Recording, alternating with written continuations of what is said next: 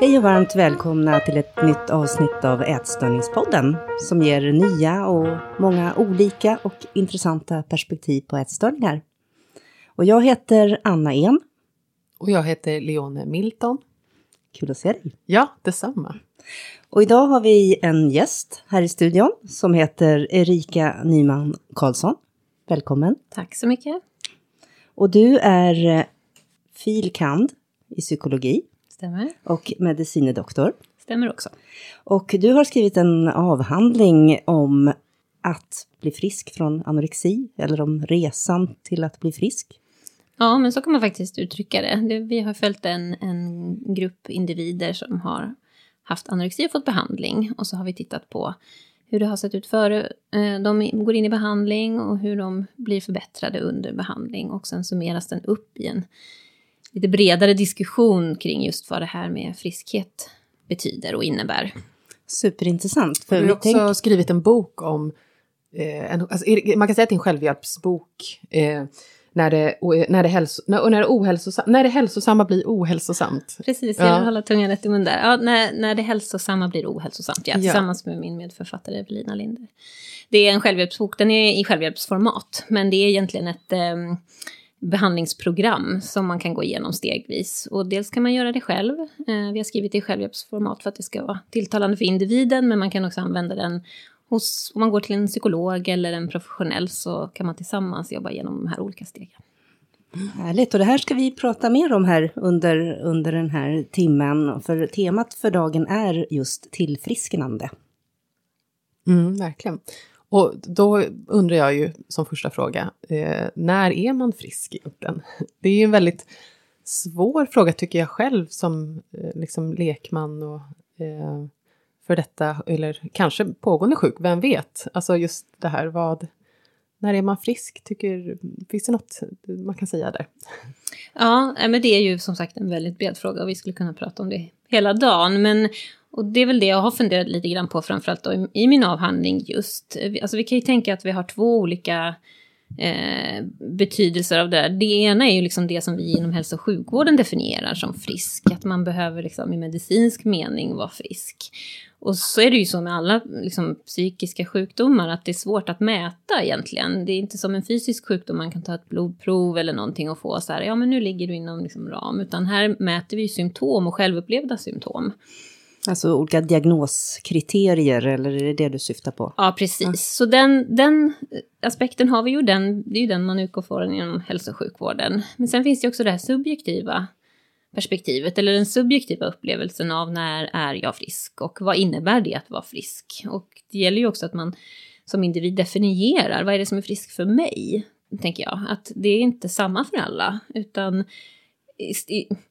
jag skulle kunna tänka att när man känner sig fri och inte begränsad av sina gamla tankar och beteendemönster så kan man nog tänka sig vara ganska frisk. Men att, men att de här tankarna fortfarande kan finnas, men att man liksom inte låter sig styras av dem.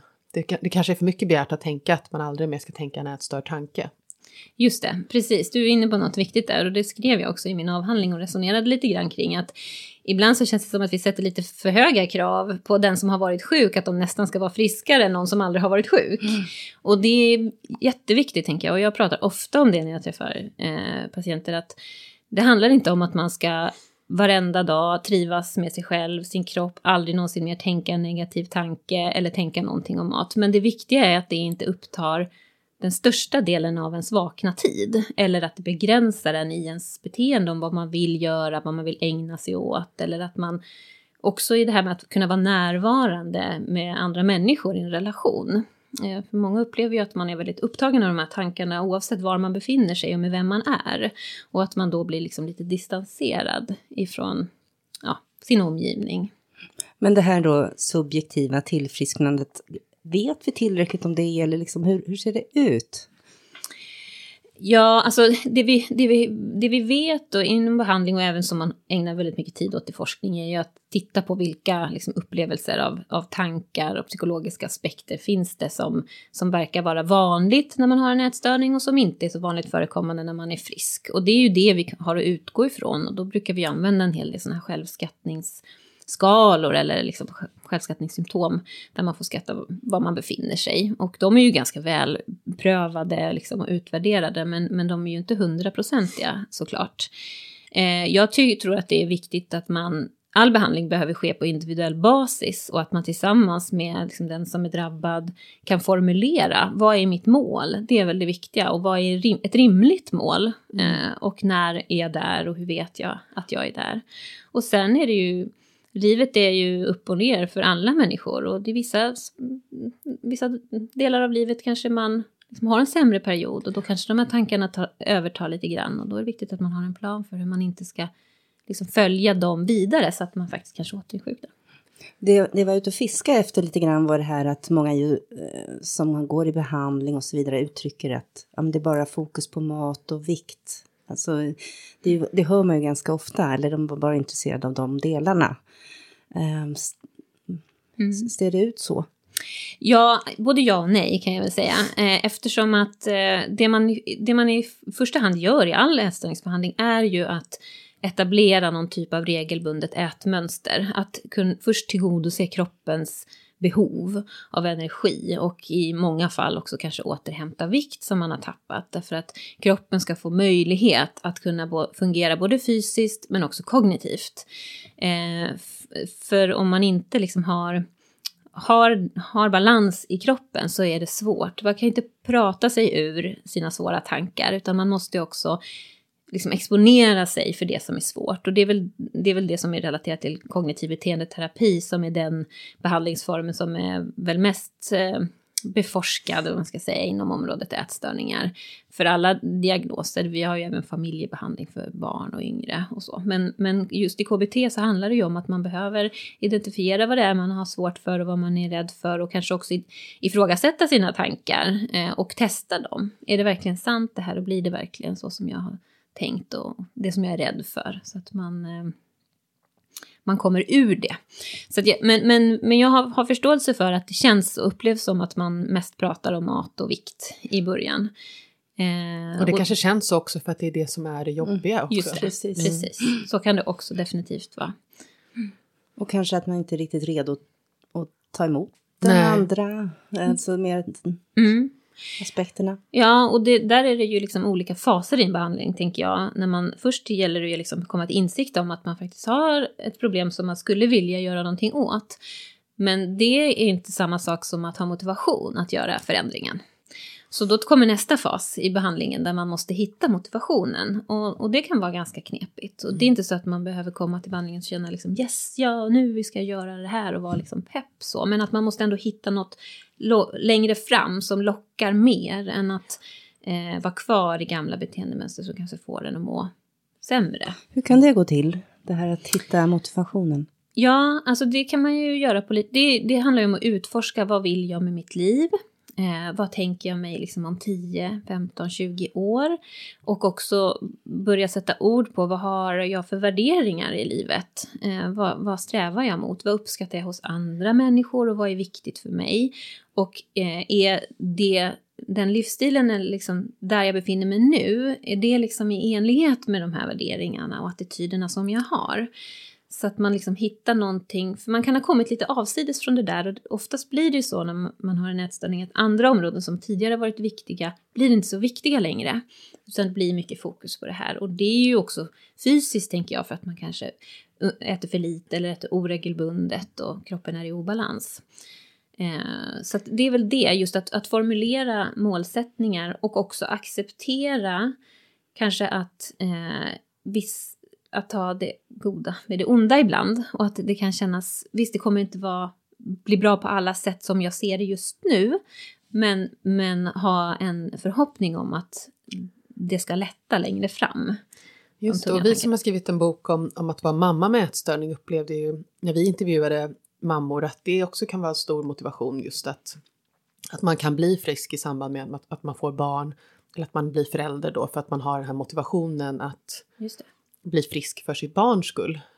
Upplever du också, kan man använda det liksom, eller kan man använda det som någon slags motivation här eller, det, eller hur funkar det där? Ja, och, det är väl alltid... Föräldraskapet? Ja, men jag mm. tänker väl, det finns ju en otrolig kraft i det, att liksom göra någonting för någon annans skull och att man blir också väldigt viktig för någon annan och att då är det viktigt att jag som mamma ska kunna liksom, för att kunna ta hand om mitt barn så måste jag också ta hand om mig själv och att det då absolut kan finnas en, en motivator i det. Det behöver inte göra att allt känns mycket enklare, Nej. men det kan ändå hjälpa en framåt att våga ta itu med det som är, som är svårt.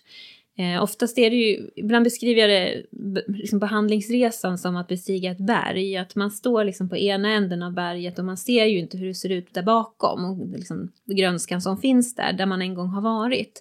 Och berget känns jättehögt och kargt och liksom oöverstigligt på något vis. Men man börjar och tar ett steg i taget och man kämpar sig upp liksom. Och till slut kommer man ju upp på toppen och ser liksom, vad det finns på andra sidan. Men det känns ändå lite långt bort. Och så måste man också ta sig ner liksom, och närma sig det nya livet eh, på ett bra sätt. Så att man till slut hamnar där. Ja. Det är en jättefin bild. Och om jag, om jag får tillägga någonting till den så är det också när man då klättrar upp för där så kanske man inte märker hur mycket man faktiskt går. Just det. Förrän man tittar tillbaka och, och, och ser att oj, Mm. Vad långt jag ändå har klättrat här. Mm. Ja men verkligen och därför tänker jag att det är så viktigt att vi kan liksom mäta olika ha olika tidpunkter där vi mäter symptomen så att man kan se att det också blir en förbättring. Eh, och att man utvärderar sina liksom, delmål hela tiden om var jag befinner mig nu. Eh, och mycket i, i KBT så får man ju liksom skriva ner och dokumentera ganska mycket. Dels hur liksom dagarna går och vad man har för tankar och liksom göra olika listor på eh, de svårigheter man har och att kunna liksom stryka ett efter ett eh, så att man ser att man faktiskt gör, gör framsteg.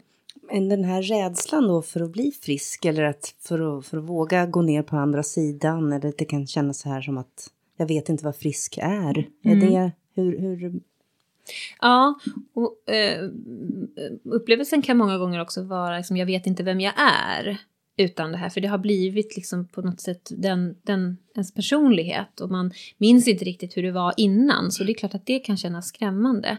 Men då är det viktigt att tänka tillbaka att det inte alltid varit så här eh, i livet. Utan det har ju inträffat någonstans på vägen.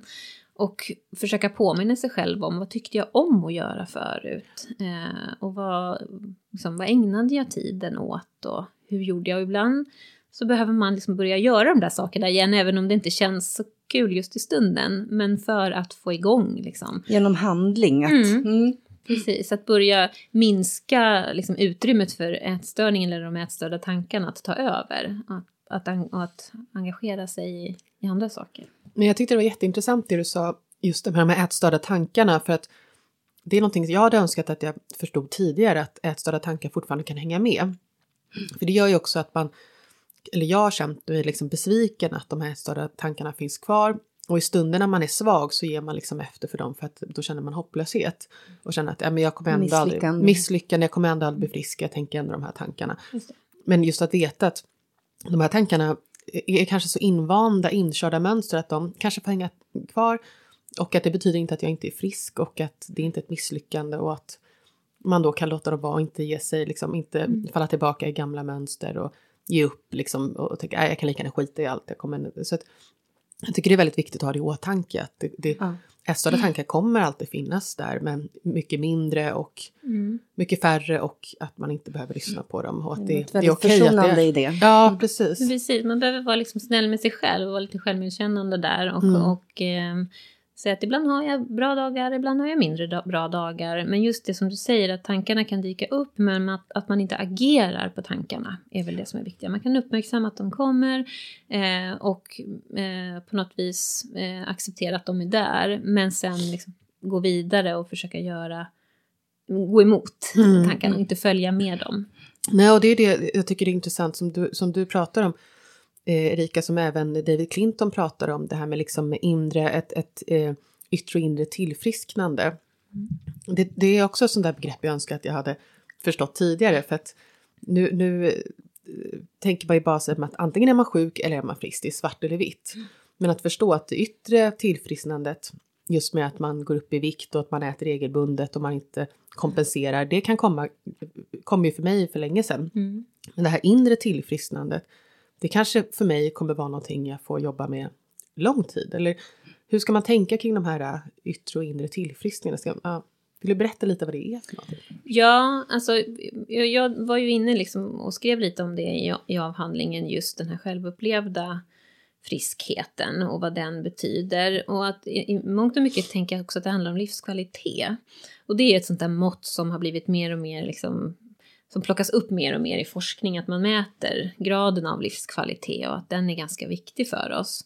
Och visst, jag kan vara symptomfri, men jag har fortfarande liksom, låg livskvalitet. Så att just det där med att, att fylla sitt liv med, med saker som får en att må bra och att finna en acceptans i att jag har en variation av tankar och liksom attityder till saker, men det behöver inte betyda att jag har misslyckats eller att jag är dålig.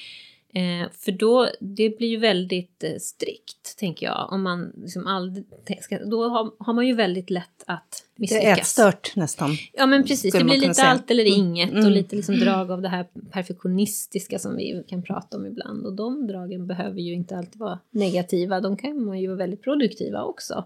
Men i den här bemärkelsen kan det bli eh, lite tokigt. Det här tar då liksom längre tid också att komma till rätta med, som Leone säger, eller? Ja, det skulle jag säga. Så jag skulle säga att eh, oftast är det så att en behandling, du är oftast inte frisk, helt frisk när du avslutar en behandling och det är inte heller meningen. Utan meningen är att du ska ha liksom eh, blivit fri från liksom de svåraste symptomen, kunna leva ett vanligt liv där du kan liksom fylla livet med allt det där som du tycker är roligt och sen är det tiden som man måste ha med sig för att det är ingenting som, det är ingen quick fix utan det tog inte en dag att bli sjuk så det tar, eller en månad eller två kanske, utan det tar ju, det går över tid och ju mer man lever i det här nya, de här nya tankarna, nya beteendemönstren, desto mer befästa blir de och får då mer utrymme och då blir det lättare liksom över tiden. Det här är också en sån jätteviktig kunskap att ha med sig för att inte bli frustrerad och förtvivlad och, och, och känna hopplöshet. Mm. Det, det, tar tid. Så. Ja, hur lång tid tar det då? kan man liksom, finns det något man kan ha någon slags, någon slags riktlinje, något att ta i? Så här, ja, men det tar inte, liksom, lite också så här att har det tagit fler än så här många år, ja men då kanske man ska göra något, tänka något nytt eller man ska göra, mm. alltså när ska man börja liksom, ja när ska man sitta still i båten och tänka att det här är en del av processen, jag är på väg upp för det här berget. Och när ska man tänka, men nu har jag nog fastnat mitt, mitt på berget här. Mm. En platå. Mm. Ja. ja men precis, en platå.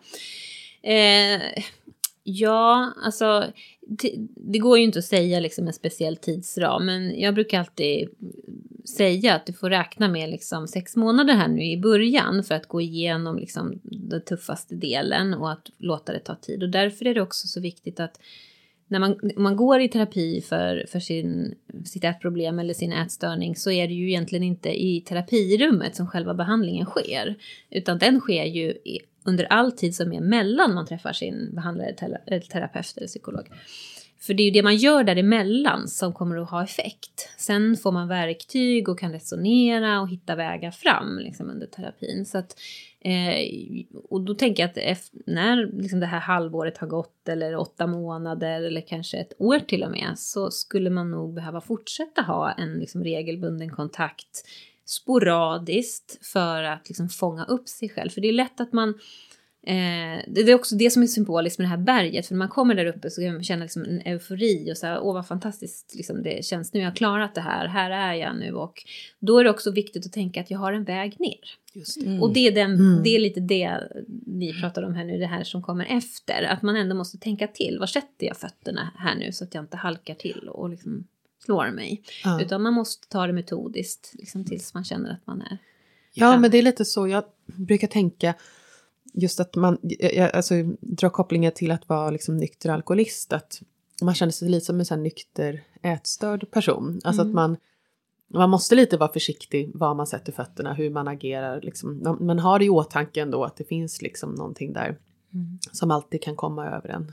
Eller, eller är det dumt att tänka så att, eh, att man, kan också, man kan också behöva lite släppa dåtiden och gå vidare och inte fastna för mycket i mm. gamla. Eh, jag tror att man alla människor behöver tänka att vi är sårbara emellanåt i livet. Eh, och att vi, beroende på var vi befinner oss liksom i vår psykiska hälsa, så, så har vi benägenheter för att bli sjuka. Och har man en gång varit sjuk i en ätstörning eller haft ätproblem problem så klart att då finns det ju en risk att man kan återinsjukna. Den är ju högre. Eh, men, det, men å andra sidan så ska man inte heller gå och vara rädd för det tycker jag. Att man, utan då handlar det om att vara, eh, ha en medvetenhet om okej, okay, vad är det som, eh, vad finns det för faktorer i mitt liv som skapar mer eh, friska tankar och beteenden och vilka faktorer är det som skapar mer sjuka? Och då kan vi bara jämföra det här med sociala medier. Just det. Mm. Så vad, vad, är det jag tittar på där? Vad är det jag följer? Vilka är det jag umgås med? Och, och du relaterade till missbruksbehandling och det är väl lite Eh, samma där, att man behöver se över sin omgivning. Mår jag bra av de här personerna och den här miljön jag befinner mig i? Eller är det här en risk för mig att, att gamla tankar till Ja men precis, jag kanske inte ska hänga liksom med bara vänner som ser det som höjdpunkten att sitta på en pub. Eh, då kan, utan kanske att jag får hitta nya vänner. Just det. Och samma sak där du säger med sociala medier, kanske inte ska hänga på liksom hashtag thinspo eller vad det liksom är. Utan jag kanske ska följa eh, kroppspositivism-konton som Kajan som vi eh, har haft med podden. Och, alltså lite mm. sådana liksom, val, men också val man gör i vardagen då kanske. Att man mm. märker att man mår bra av att träna den här träningsformen men inte den. Mm. Så man ska mm. liksom tänka så snarare. Att tänka mm. positivt. Då, då, det är också skönt för då tänker man ju lite mer positivt. Liksom, vad mår jag bra av? Istället för att hela tiden gå runt och vara rädd för det här liksom mörka molnet bakom en på något Just sätt. Det. Och alltså alla stora liksom förändringar i livet eller alla svåra saker man tar sig igenom i livet måste man ju tänka, ska jag tillbaka till det där gamla? Mm. Det är som vid utmattning till exempel. Mm. De flesta som drabbas av utmattningsdepression kan kanske inte gå tillbaka och bli den de var innan, utan man blir en ny version av sig själv. Just det tycker vi ju är ganska självklart när vi pratar ja. om det sådär, att det är, att det är så, det är inget konstigt. Så det, mm. det borde ju kunna mm. vara så med ätstörningar också, tänker jag, utan att det är ett misslyckande eller... Absolut.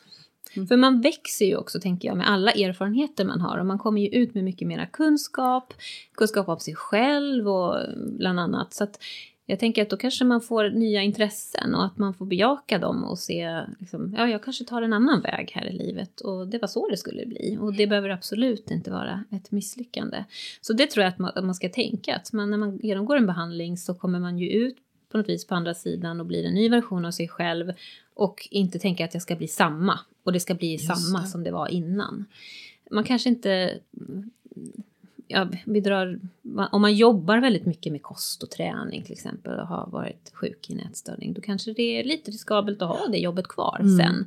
Det kan fungera alldeles utmärkt, men, men det måste man ju känna själv. Hur påverkar det här mig? Och ger det mig mer energi än vad det tar. Mm. Det där är ju någonting som kanske närstående borde veta lite mer om, tänker jag också, att det är kanske inte samma person som kommer ut, utan Nej. det kan vara lite äh, förändrat och det kan ju väcka allehanda känslor, tänker jag. Mm. Ja, men, ja, men visst, och så kan man ju bli väldigt...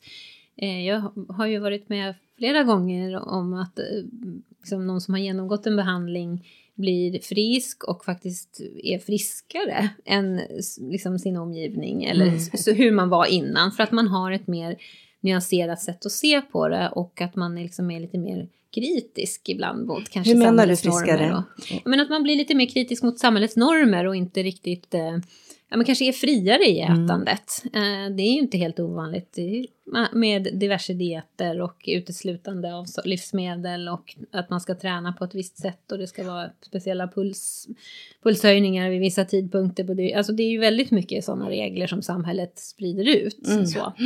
Och att man kan bli liksom eh, då istället rätt trött på dem och kritisk mot dem. Verkligen, och det var ju någonting vi pratade med flera av mammorna om mm. i, vår, i, vår, i vår bok Mamma med ätstörning. Det här att ja, men, flera uttryckte hur de tyckte de hade erfarenheter, goda erfarenheter ett, och, och liksom ett, ett, kritiskt synsätt att föra vidare till sina barn. Många var ju rädda för att föra vidare mönstren, mm. de ätstörda mönstren, men, men andra kunde ju också se att ja, men det här ger ju någonting att föra vidare. Mm. Mm. Mm. Jo, men man ser ju verkligen, tycker jag, som, som med den här erfarenheten, hur många är liksom Alltså just det här med att vi lever i det här ätstörda samhället, att många är liksom halvt ätstörda liksom och, och mm. förhållande till att eh, ta, äta fik, liksom, ta en bulle eller liksom... Mm. Eh, det, det, tycker jag man ser hela tiden. Eh, men det är, ibland gör det inte lättare när man själv ska ta den här bullen, men, men det, det, det tycker jag verkligen.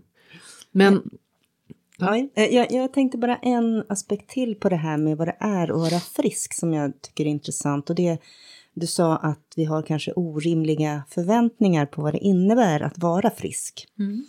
Eh, och att jag vet ju personer som har sagt så här, ja men jag förväntade mig att jag skulle liksom, som om jag åkte in på verk, om jag var en bil som åkte in på verkstaden och så blev jag liksom lagad och sen kom jag ut på andra sidan. Utan ångest, utan negativa känslor, utan, mm. och riktigt så är det ju inte. Nej, så är det ju inte och så är det inte för någon tänker jag. Alltså ångest är ju en del av livet, oro och ångest och, och sådana liksom negativa, om vi ska säga så, känslor finns ju med oss alla. Eh, och jag tror att det handlar också väldigt mycket om att justera sina idealbilder eller tankar om hur kroppen ska vara, hur livet ska vara.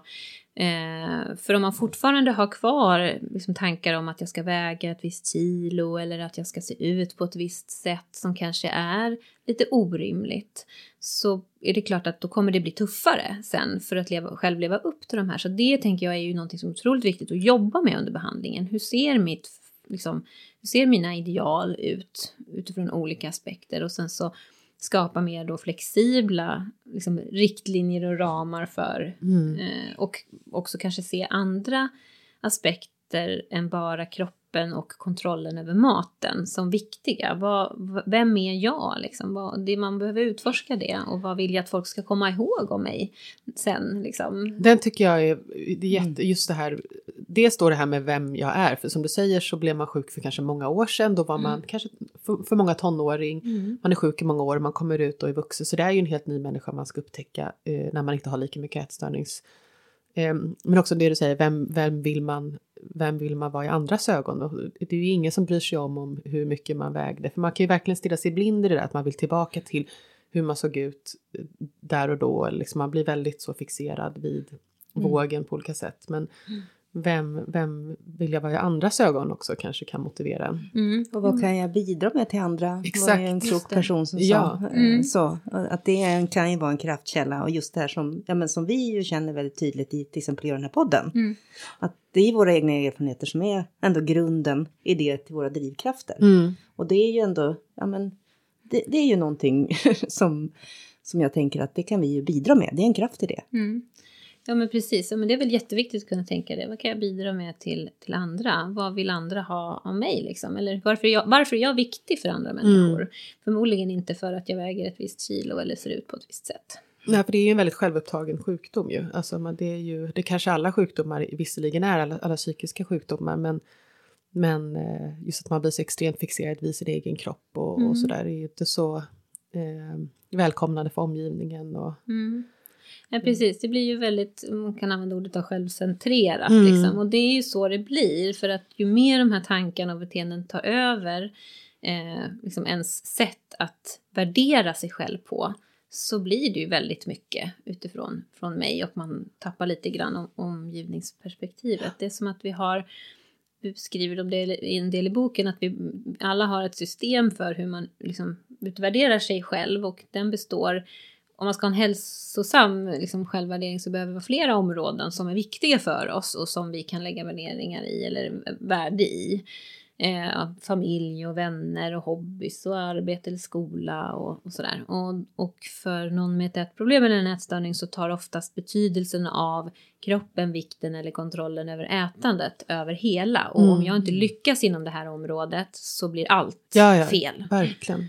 Och, då, och det är väl det man behöver jobba med. Och det är då, därför jag pratar lite grann om det här med att liksom börja göra andra saker igen. För att göra dem viktiga. Mm. Föra in sådana tårtbitar i, i, diagrammet så att säga. Eller i, i, Precis. helheten. Mm.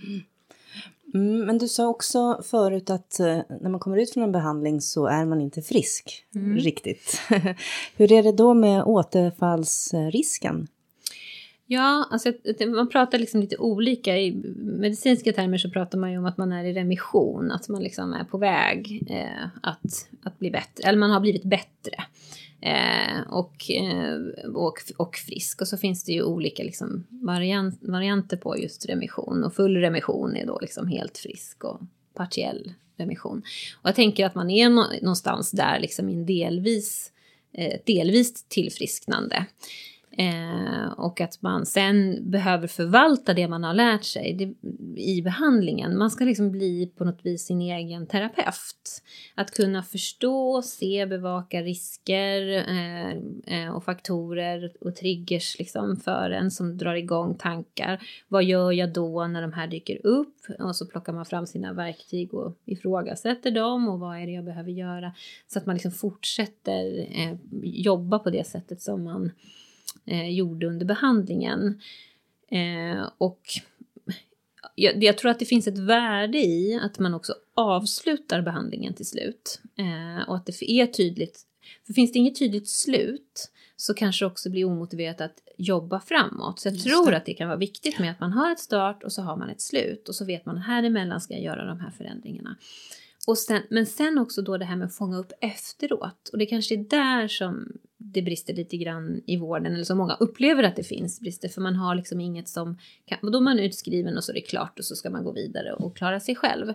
Men att det ska finnas någon form av möjlighet att kunna bara på ett enkelt sätt ringa ett samtal eller ta kontakt med någon och säga att nu behöver jag ett, ett samtal för att liksom fånga upp, för jag är på väg åt fel håll. Precis, för det är väl jättelätt att tänka så här att ja, man har gått i behandling, nu har jag fått min vård. Mm. Eh, och så känner man att allting börjar skaka igen och så bara, nej men, och, och det här måste jag klara själv. Mm. Det är väl en ganska vanlig Just det. Eh, och så kanske man tanke. skäms just där med ja. bakslagen och sådär, att man, man känner att man har fått den här vården och så, så får man ett bakslag eller, eller om det kanske till och med blir återfall. Och så, så, ja, så kanske man inte vill berätta om det eller kan mm. det vara så att eller hur mycket pratar man om att det finns stora risker? Är, eller liksom, är det liksom nästan garanterat att man får bakslag? Eller hur, hur kan man förhålla sig till det där efter vård?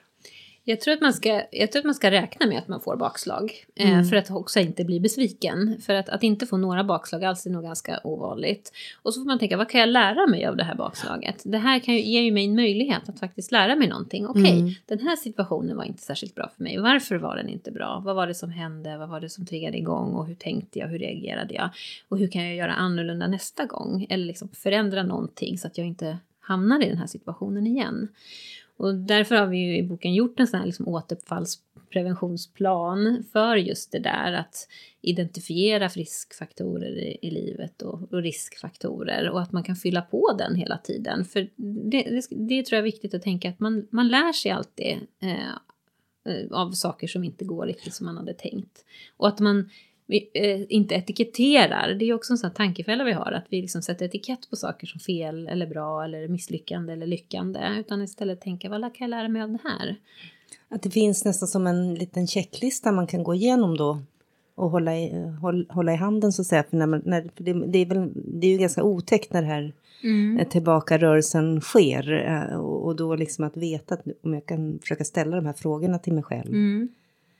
Kan, Ja, då, det kan ju vara ett sätt. Och ett annat sätt som jag verkligen vill liksom, för, ja, trycka på det är ju att bjuda in andra ens omgivning i, i sitt liv och i sina mm. tankar. Och att ha backuper av, av personer i närheten som man kan prata med.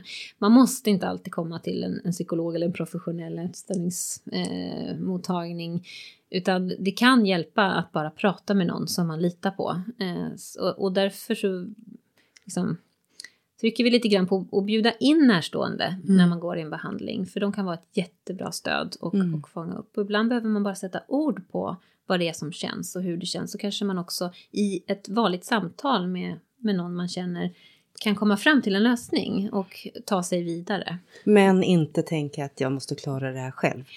Nej, alltså det är klart man kan säkert klara det själv, men det är ju mycket börda att lägga, lägga på sig själv. Eh, så för att underlätta så tänker jag att ha en, en nära kontakt med någon eller ha en etablerad kontakt med en psykolog eller något som man vet att man skulle kunna kontakta för ett samtal om man behöver extra stöd. Men jag tycker det är jättebra också som du säger att, att eh, vid ett bakslag eller när det känns extra tungt att Ja, dels att man på ett enkelt sätt skulle kunna kontakta vården igen och bara få ett samtal, men också som du säger att ha anhöriga. För att det kan ju vara så att man identifierar att de här tillfällena är fortfarande svajiga för mig, till exempel en buffé vid julbord eller liksom konkreta ställen man märker att här blir det tufft för mig.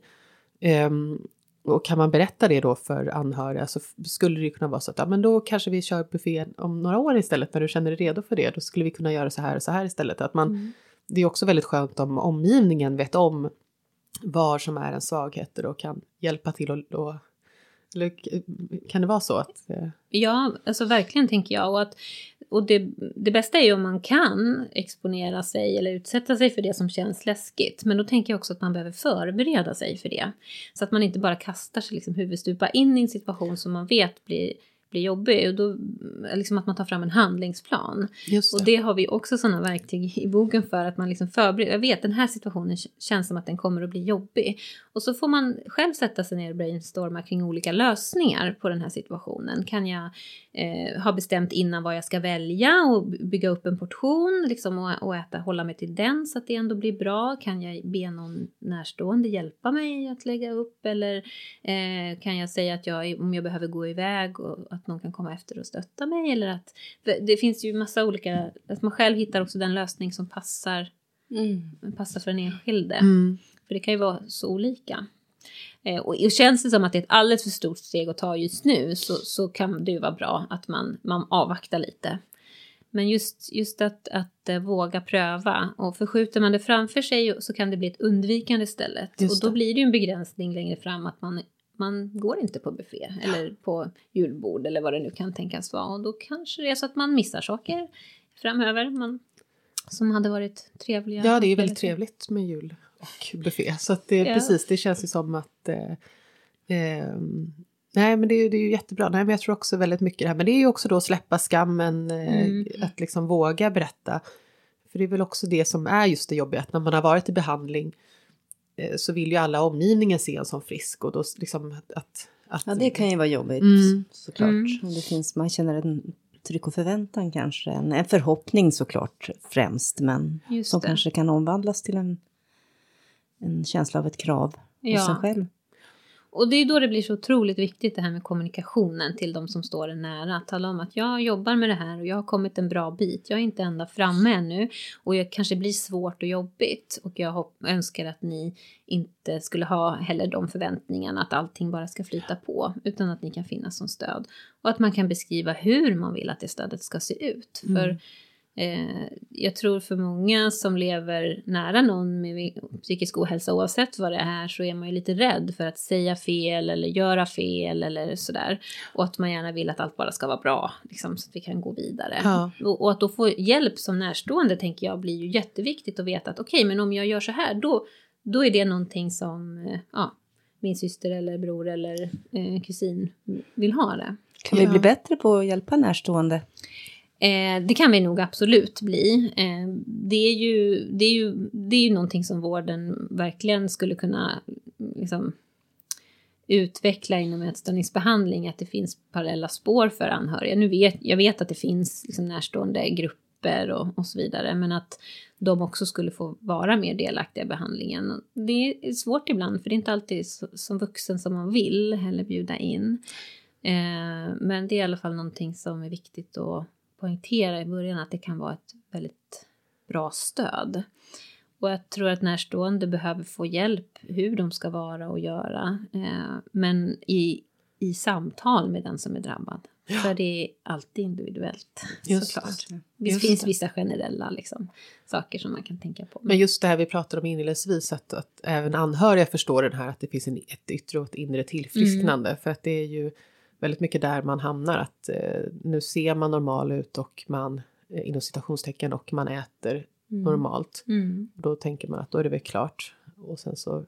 just vara medveten om att den här inre resan kommer vara lång. Just det. Det, um... det är ju det där med att en ätstörning inte syns som oftast utanpå. Nej. Men den känns ju inuti. Och även om det ser ut som att man kan äta som vanligt så pågår det kanske liksom ett inre krig som, mm. är, som tar upp liksom hela hela ens individ på något vis i situationen. Men det syns inte alltid utåt.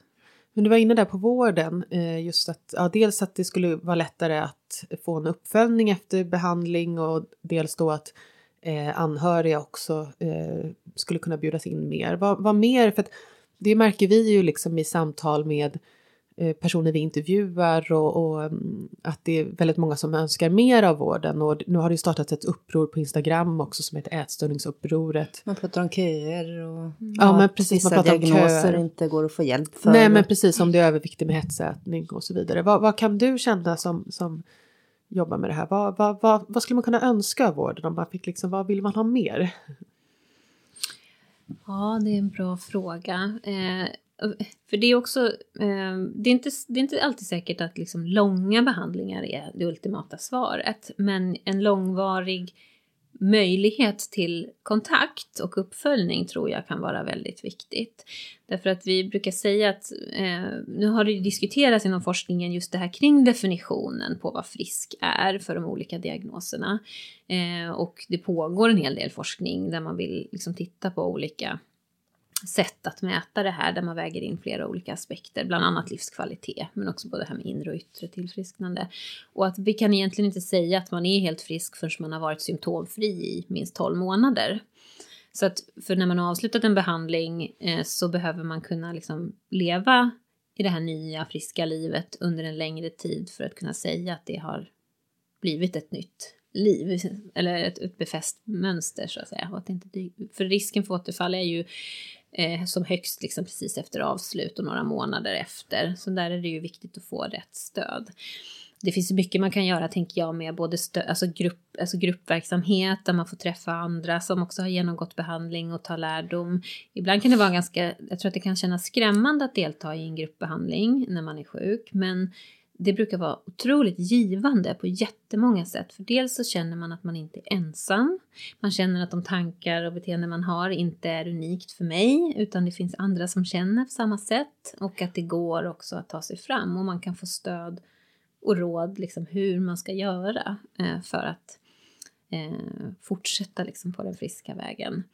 Så det är väl någonting, tänker jag, efter en avslutad behandling att ha liksom, återfallspreventionsgrupper till exempel. Eh, mm. där man kan jobba med olika moment som hjälper en att hålla, hålla liksom, upp på, på vägen. Det låter ju jättebra. Mm. Ja, det låter ju lite som sån här, för att återkoppla till eh, andra, just lite AA-möten, liksom. Mm. alltså lite så, alltså att det finns ju verkligen en poäng, där märker man ju att det verkar funka väldigt bra också, just att träffas i grupp, även när man är liksom nykter just för att man håller sig mm. motiverad och som du säger känner sig mindre ensam. För man känner ju oftast, det är väl det som är grejen, att man vågar inte prata om sina tankar för man, det, man tänker att det är så extremt och eh, man känner sig så udda jämfört med andra eh, friska. Och så, så just att få höra att men andra har tänkt sådana här tankar också är väldigt mm. befriande. Oftast är man ju faktiskt inte, även om vi alla är individer så är vi inte så olika varandra som vi tror. eh, så att, och hur funkar det med så här liksom Ja, för det är väl också sån här grej att så här, med vård, alltså det tar så lång tid att få behandling. Alltså mm. just att få komma in i behandling kan ju ta jättelång tid och den tiden kan ju kännas oändlig när man väl har bestämt sig för att man, för det är en process också till att bestämma sig för att jag, behöv, jag vill ha, behöver hjälp. Och när man väl har gjort den processen så vill man ju nästan att det ska ske dagen efter mm. och så bara, mm. nej men det är om åtta månader eller liksom. Mm. Det kan ju bli rätt tufft den perioden. Mm, och det, det är ju jätte... Eh, Eh, synd att det, att det ska ta så lång tid att få, få hjälp. Och det är väl där vi står just nu idag, just kring ätstörningen, att det är långa vårdköer, lång väntetid. Och vi vet att just när man har den här liksom motivationen att vilja göra en förändring så måste man plocka upp den direkt för att den har en tendens att slockna liksom efter tiden eller med tiden och eh, att man också kan bli väldigt mycket försämrad eh, tänker jag under tiden man väntar så att, att få snabb hjälp och snabb vård för en ätstörning är otroligt viktigt för att eh, öka möjligheterna att bli frisk eh, snabbt eller snabbare. Eh, så att det, det är ju någonting som och det pågår ju nu en massa arbete hur vi ska lösa de här köerna som, som vi sitter i just nu. Eh, men eh, ja, det, det är svårt. Vi har ju vårdgarantitider men det är inte alltid som det, det går att, att hålla dem. Tyvärr. Nej, och just som, som eh, det du sa Anna också att det är grupper inom ätstörningsområdet där, så personer som inte ens får någon vård, att det finns liksom inte plats. Att det är stora regionala skillnader också. Mm. Och, och, och, kanske just då vad gäller vissa eh, diagnoser och så. Just det, ja. Ja, nej, men nu, nu håller de ju på och strukturerar om liksom, vården med de här högspecialiserade nationella eh, enheterna för olika eh, diagnoser. Och det är ju jättebra och det kanske skulle kunna göra en förändring. Men förändring tar tid Ja. oavsett vad det handlar om att man ska göra. Så förhoppningsvis så det, behöv, det behövs mer resurser för, för att eh, ta hand om, om eh, eh, de individer som drabbas. Så är Ja. det ju, det är ju uppenbart. Men eh, om vi för tillbaka samtalet då till, till din och Evelina Linders bok När det hälsosamma blir ohälsosamt. Mm. Hur kan en sån bok komma in i den här bilden? Ja, det är ju lite syftet faktiskt med boken att bredda kunskapen och möjligheterna till att kunna jobba på ett bra sätt med ett evidensbaserat program för ätstörningar. Så att eh, det tänker jag är, alltså sådana här självhjälpsböcker som, som är ändå eh, liksom strukturerade program kan ju egentligen vem som helst jobba med som har kunskap inom psykologi eller jobb, alla psykologer eller psykoterapeuter eller eh, till och med ja, men kuratorer och på vårdcentraler eller i skolor. För att det är så lätt att då följa programmet själv. Som, som behandlare kan man då läsa liksom, mellan sessionerna tillsammans med patienten och, och jobba med de uppgifter som finns. Så att det gäller ju också att inte bara tänka att det är de speciella specialistmottagningarna som, som ska kunna behandla det här, för då blir det ju väldigt sårbart. Ja, precis. Eh, och att det finns ju liksom en gradering var man befinner sig i, liksom på sin, i sin ätstörning. Eh, liksom Liksom mellan lindrigt till, till svårt sjuk. Och att kanske specialistmottagningar verkligen ska fokusera på de som behöver liksom mera intensiva insatser. Jag tycker ju att, och erfarenheten är att eh, ju mindre intensiva insatser desto bättre därför att då får man ju också behålla sitt liv och inte plockas ur sitt sammanhang ännu mer än vad man redan har gjort. Så att kan man behandla ätstörningar så långt det är möjligt i öppenvård så är det bra. Och, men då behöver fler lära sig och förstå att man kan jobba med det och inte vara så rädd för, för att jobba med den här problematiken. För det är väl kanske en liten upplevelse. Jag tror många patienter upplever också att de blir bemötta liksom med lite, inte kalla handen, men att... Det var lite att beröringsskräck så. Ja, men att det, det känns lite liksom... O, de är osäkra på hur de ska bemöta. Mm. Och då tänker jag att det är viktigt att sprida kunskap om det här. Precis, då skulle man ju liksom att behandlaren använder er bok Ja, men för man får en förståelse för liksom de psykologiska mekanismerna bakom en ätstörning och hur det fungerar och hur det opererar och hur man ska göra för att bryta. Och då finns det ju några liksom, tydliga delar som man behöver identifiera och bryta för att de här kugghjulen liksom ska sluta snurra och påverka varandra. Så att jag tänker alla olika typer av vårdnivåer eller insatser, vare sig det är internetbaserad KBT eller eh, man går i samtal hos någon, a- allt är liksom bra. Och vi behöver ju bredda eh, så att det finns möjligheter. Men man kan börja i en ände och jag tänker att det här, en resa mot att bli frisk och liksom gå igenom en behandling eh, går stegvis. Eh, Det är inte så att man vaknar upp en dag och tänker att nej, men nu ska jag ta tag i det här, utan det är något som växer fram Mm. också tills man känner till slut att nej, men nu går det inte längre, nu, nu måste jag verkligen göra någonting åt det här. Så att, att söka hjälp och stöd tidigt om man har de här funderingarna och ju tidigare desto bättre. För även om man inte kanske uppfyller diagnoskriterier, vilket ju är liksom en grundläggande gräns för om man ska få specialiserad ätstörningsvård eller inte, så kan man ju ha liksom, en be- begränsad livskvalitet och ha det väldigt jobbigt. Eh, så att man kan inte heller gradera egentligen, utan det är ju, det är ju hur det begränsar den och hur man mår som är, som är viktigt att det går att göra någonting åt det. Tack så jättemycket Erika Nyman Karlsson för att du ville komma och gästa Ätstörningspodden. Ja, men tack för att jag fick komma, det var jättetrevligt.